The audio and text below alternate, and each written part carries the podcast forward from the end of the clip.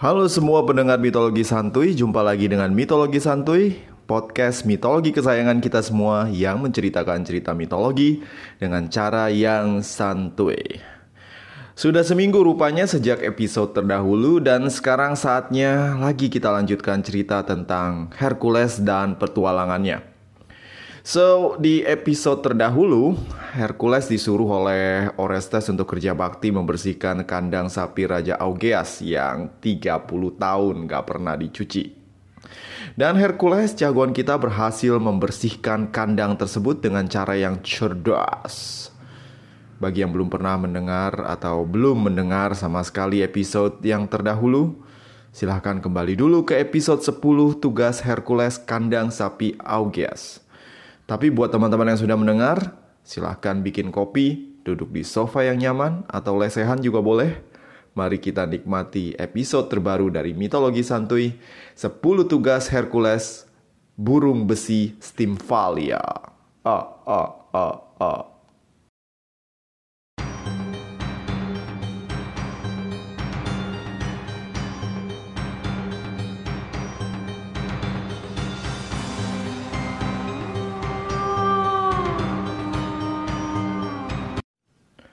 Siang itu, Hercules yang kesal akibat kerja kerasnya di Elis dianulir oleh Orestes langsung menghadap Orestes. Tanpa basa-basi, sang pahlawan langsung meminta Orestes untuk memberikan tugas selanjutnya. Hercules memang tipe orang yang tidak suka berlama-lama menanggung derita, apalagi ketika berhadapan dengan fakta bahwa dia harus melakukan enam tugas lagi untuk mendapatkan pengampunan. Orestes yang kala itu sedang menerima perwakilan kades-kades alias kepala desa-kepala desa sekitaran Danau Stimfalia, langsung ngaji mumpung meminta Hercules menuju Danau Stimfalia. Jadi Danau Stimfalia ini adalah sebuah danau yang luas yang terletak di Akardia, tak jauh dari kota Korintus di semenanjung Peloponnes yang di zaman modern ini merupakan bagian dari Republik Yunani. Danau ini terkenal subur, I mean banyak ikannya dan juga di sekitaran bantaran danau ini sering dipakai oleh penduduk untuk bercocok tanam. Selain itu, daerah ini juga memiliki rawa-rawa. Jadi banyak warga, banyak satwa liar. Ngomong-ngomong marga satwa aja ribet amat. Berbagai marga satwa liar yang hidup di sini, seperti kodok, ular, burung-burung, dan di zaman mitologi, danau ini adalah tempat kediaman dari burung-burung besi Stimfalia. Jadi burung-burung Stimfalia ini atau burung-burung besi Stimfalia ini adalah burung-burung ciptaan dari Ares, sang dewa perang. Uh, gue pernah bahas soal Ares sebelumnya di episode-episode awal, jadi kalau lu mau dengerin silahkan Ares kalau nggak salah Dewa Perang atau Dewa Pecundang judulnya. Hmm. Udah lama tuh, kayaknya aku bikin itu bulan Juli atau bulan Agustus, aku lupa banget, udah lama banget. Anyway, so Ares ini adalah bad boy dari para dewa dewi Olympus. Kenapa? Karena dia sering bikin masalah. Dia ini dijuluki the troublemaker dan sering banget uh, melibatkan diri dalam perang atau perselisihan yang nggak perlu dan juga pernah menjadi seorang pebinor alias perebut bini orang. Dan nggak main-main, yang dijadikan target adalah istri dari saudaranya sendiri, yaitu Hephaestus. Dan, you know, Hephaestus itu adalah suami resmi dari Aphrodite. Tampaknya Aphrodite yang rada-rada centil memang kemudian menjadi target dari Ares atau mungkin memang Aphrodite yang mengincar Ares. Tapi bagaimanapun juga mereka berdua kemudian mengadakan hubungan perselingkuhan yang membuat Hephaestus marah. Namun sedihnya, well, Hephaestus malah diketawain ketika membongkar perselingkuhan mereka. Anyway, gue gak mau ngebahas tentang cerita dari cinta segitiga ini karena itu bukan fokus dari uh, cerita Hercules kali ini. Cukuplah, hari ini terlalu banyak cerita yang bersifat skandal di dunia nyata. Anyway, so reputasi Ares itu buruk banget di Olympus dan sering kali sang dewa perang ini menjadi seperti dewa pecundang, apalagi kalau dibandingkan dengan adik tirinya Athena yang merupakan kesayangan dari Zeus. So, di Yunani ini ada dua dewa perang. Satu dewa perang yang agresif yaitu Ares dan satu lagi uh, dewa perang atau dewi perang yang sifatnya lebih defensif dan juga lebih mengandalkan otak daripada otot yaitu Athena. Nah, di Yunani lebih banyak kuil yang didedikasikan kepada Athena daripada Ares. Padahal si Ares ini juga dikenal sebagai dewa perang. Namun, dia hanya populer di Sparta. Sisanya lebih banyak menyembah Dewi Athena. Sumur umur gue belum pernah uh, mengunjungi kuil Ares di Yunani atau mungkin di Turki. Kalau di Romawi alias di Kekaisaran Romawi, uh, Ares ini lebih terkenal dan di sana dia namanya itu Mars. Mars ya jadi kalau misalnya uh, Aphrodite kan namanya Venus kalau misalnya um, si Ares ini berubah nama menjadi Mars.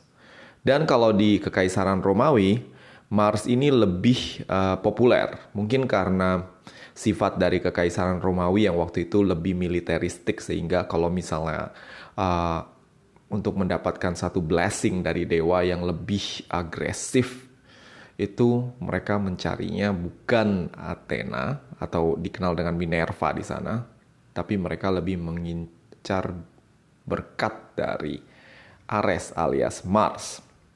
So, di Yunani, Athena ini lebih dicintai dan juga disayangi oleh para dewata. Kalau misalnya Ares ini dikenal sebagai bad boy, maka Athena dikenal sebagai golden girl atau you know, golden boy or ya pokoknya yang favorit deh So, dalam keterasingannya, Ares ini berniat menyaingi Athena yang pandai.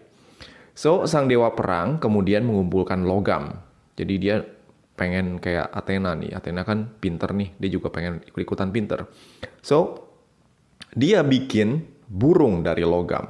Jadi dari besi dikumpulin semua, mungkin dari um, you know abang-abang yang biasa ngumpulin besi bekas dikumpulin semua tuh besi terus dibikinlah menjadi sebuah uh, seekor burung dan kemudian 2, 3, 4, 5 sampai sekelompok burung besi dilahirkan dari tangan sang dewa perang. Rencananya Ares ini kan pengen bikin binatang peliharaan. Burung-burung besi ini jadi binatang peliharaan dia nanti. Kenapa enggak gitu loh? Kenapa enggak bikin burung besi? Soalnya kan Hera punya burung merak. Athena kan punya burung hantu. Kenapa enggak kalau Ares punya burung besi? Kan keren. Namun, karena Ares ini kurang pandai mencipta dan emang kurang pandai dalam banyak hal lainnya selain berantem dan godain istri orang, burung ciptaan Ares tidak mematuhi perintah sang dewa perang. Ya mungkin mewakili uh, karakter dari penciptanya yang suka membangkang, ya begitulah ciptaan dari Ares. Setelah diciptakan, burung-burung tersebut pergi ke bumi dan menimbulkan begitu banyak kerusakan. Dan salah satunya adalah kerusakan yang diakibatkan di dekat di hutan dekat Efesus, wilayah kekuasaan dari Artemis, sang dewi perburuan. Artemis ini orangnya sensian dan juga sangat-sangat protektif. Jadi ketika dia melihat rombongan burung besinya Ares merusak hasil panen gandum dan membantai penduduk sekitaran wilayah kekuasaannya dia, dia langsung ngirim rombongan serigala untuk mengusir burung-burung besi tersebut. Apparently, burung-burung seri, eh, ini takut sama serigala tersebut, entah untuk alasan apa. So, rombongan-rombongan dari burung-burung besi ini kemudian tersasar, kabur dia, kabur ke hutan sekitaran Danau Stimfalia. Nah, di danau inilah burung-burung besi ini menebar tulah. Selain karena burung-burung besi ini gemar memangsa manusia, burung-burung besi ini juga punya hobi lain, yaitu nongkrong di dahan pohon sambil boker alias buang air besar. Dan karena rombongan burung-burung ini jumlahnya itu besar, maka rawa-rawa sekitaran danau tersebut kemudian penuh sama kotoran burung. dan baunya kurang lebih samalah kayak kandang sapi Augeas atau kandang babi tante gua. Beberapa usaha dilakukan oleh penduduk sekitaran untuk uh, mengusir burung-burung besi tak diundang tersebut. Tapi gagal, yang ada malah para penduduk menjadi mangsa dari burung-burung ganas ini. Akhirnya, para kepala desa di sekitaran danau kemudian meminta Orestes untuk menyelesaikan masalah ini. Karena Orestes oportunis dan pelit, Raja Mycenae ini kemudian mengutus Hercules untuk menghalau burung-burung besi tersebut. Ya, daripada kirim pasukan terus keluar dana lagi kan, lebih baik kirim Hercules yang memang mengabdi menjadi budaknya. Jadi kali ini beneran ngusir burung doang, nggak bersihin toilet atau bersihin kandang atau apa eh, eh. Oh enggak, sama sekali enggak.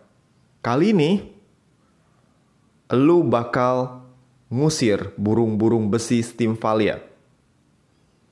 Kata Orestes. Bener nih. Terus burungnya bawa ke sini nggak? Lu nggak kepengen nambah um, binatang peliharaan?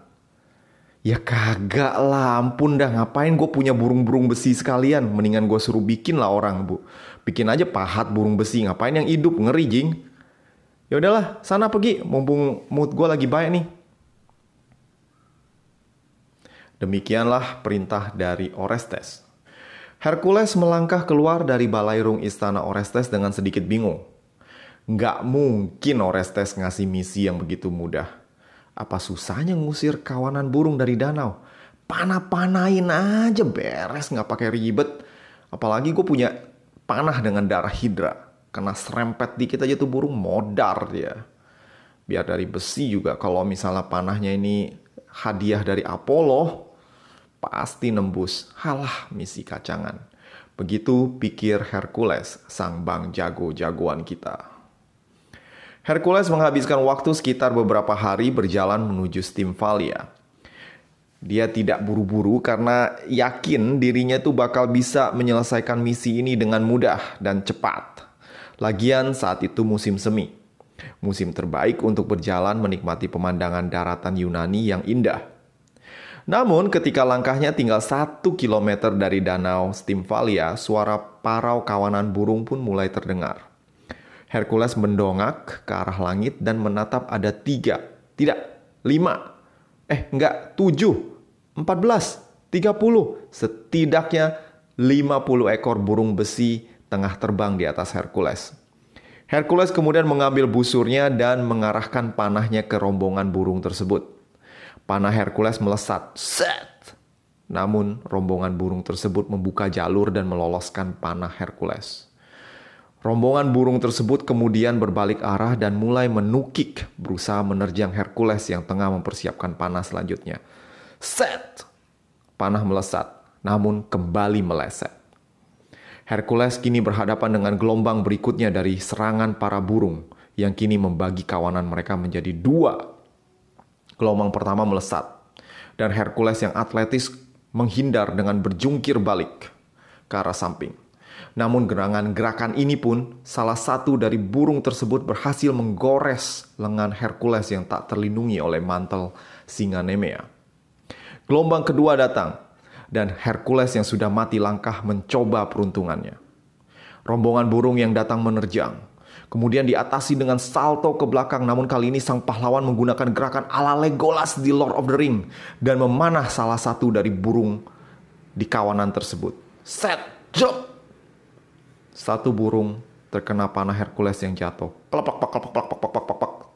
Jatuh, menggelepar, tewas. Eh. Tewasnya burung ini membuat kawanan burung besi kabur menuju sarang mereka di rawa-rawa di tepi danau Stimvalia. Itu yang gue cerita kalau banyak ee dari burung tersebut. Hah, gampang. Panah aja. Kabur ke mana juga. Kalau gue panah, mati semua. Sekarang gue mau pergi ke sono. Ke rawa-rawa sarang mereka. Biar gue obrak-abrik itu markasnya. Hercules pun kemudian berlari ke arah kawanan burung tersebut terbang. Dalam hatinya, Dirinya berpikir bahwa misi ini akan selesai dalam hitungan menit saja. Namun tentu saja tidak semudah itu Ferguson. Hercules sampai di rawa-rawa berbau busuk tempat kawanan burung Stimvalia bersarang. Bau kotoran yang begitu menyengat membuat Hercules berhenti sejenak. Astaga, gue berhadapan dengan kotoran binatang lagi. Halah, sebodoh amat. Bakal gue kejar terus tuh burung-burung. Hercules menerjang ke arah rawa tanpa memperdulikan bau busuk dari rawa yang kaya dengan ee burung tersebut. Namun, semakin dalam Hercules melangkah, Hercules semakin melemah dan langkah kakinya semakin kelihatan kehilangan pijakan. Nampaknya kotoran burung besi Stimvalia yang seperti kotoran monster lainnya memiliki racun. Dan Hercules tampaknya memandang remeh rawa-rawa yang ternyata memiliki pasir hisap ini. Semakin Hercules berusaha melepaskan diri dari rawa terkutuk tersebut, dirinya semakin terbenam masuk ke dalam kubangan lumpur dan kotoran burung yang lama-lama mulai membekapnya. Perlahan, sang putra Zeus tenggelam dari pinggang, leher, dan lalu kepala. Hercules menahan nafas, berusaha untuk mencari cara untuk keluar dari ancaman maut yang semakin dekat. Namun kali ini, sepertinya Bahkan Hercules pun tidak akan lepas dari ancaman kematian. Layaknya orang yang akan meninggal, berbagai kisah kehidupan yang pernah dialaminya muncul dalam ingatan. Bagaimana dirinya menikmati saat bermain bersama teman-temannya, ketika menaklukkan berbagai monster, ketika menikmati saat kebersamaan dengan keluarganya, dan ketika dirinya bermandikan darah anak dan istrinya. Hercules kemudian berusaha bangkit, Amarah dan kesedihan dalam hatinya mendorong untuk tetap sadar. Namun pasir hisap terus menarik kakinya ke bawah rawa yang tak berdasar. Orestes! Raja pengecut ini sengaja memilih tempat ini sebagai kuburanku. Tidak, tidak, aku tidak rela tewas di sini. Tidak! Entah karena jagoan kita ini beruntung atau keinginannya yang kuat beresonansi dengan kehendak para dewa. Seberkas sinar tiba-tiba menyeruak ke dalam rawa. Hercules yang hilang harapan kemudian melihat sesosok dewi cantik yang dikenalnya. Athena! Sang dewi tersenyum melihat adik tirinya tampak tak berdaya terus tenggelam dalam rawa kotoran. Perlahan, badan Hercules terapung, melawan gaya gravitasi dan tarikan pasir hisap yang kini tak berdaya melawan kekuatan sang dewi. Dalam sekejap, Hercules mendarat dengan selamat di tepi rawa. Seharusnya gue bawa HP dari masa depan biar bisa selfie sama lu sekarang Hercules. You look like shit little brother. Goda Athena kepada Hercules yang memang masih bermandikan kotoran. Thank you for that. Ini semua karena gue anggap remeh tugas dari Orestes. Kirain cuma ngusir burung, ternyata gue nyaris modar di rawa ini kata Hercules sambil membersihkan badannya yang penuh dengan kotoran burung. Well, dek, gak ada yang gampang dalam hidup. Apalagi kalau yang ngasih tugas itu orang yang gak demen sama lu. Kalau boleh tahu sekarang apa rencana lu buat menghalau burung-burung besi di sana? Tanya Athena menguji strategi dari adik tirinya tersebut. Ya, gue bakal cari cara lah buat nyebrang lawas siaran ini. Gue mau cari tuh burung sampai ketemu dan gue patahin lehernya satu-satu. Jawab Hercules dengan arogan.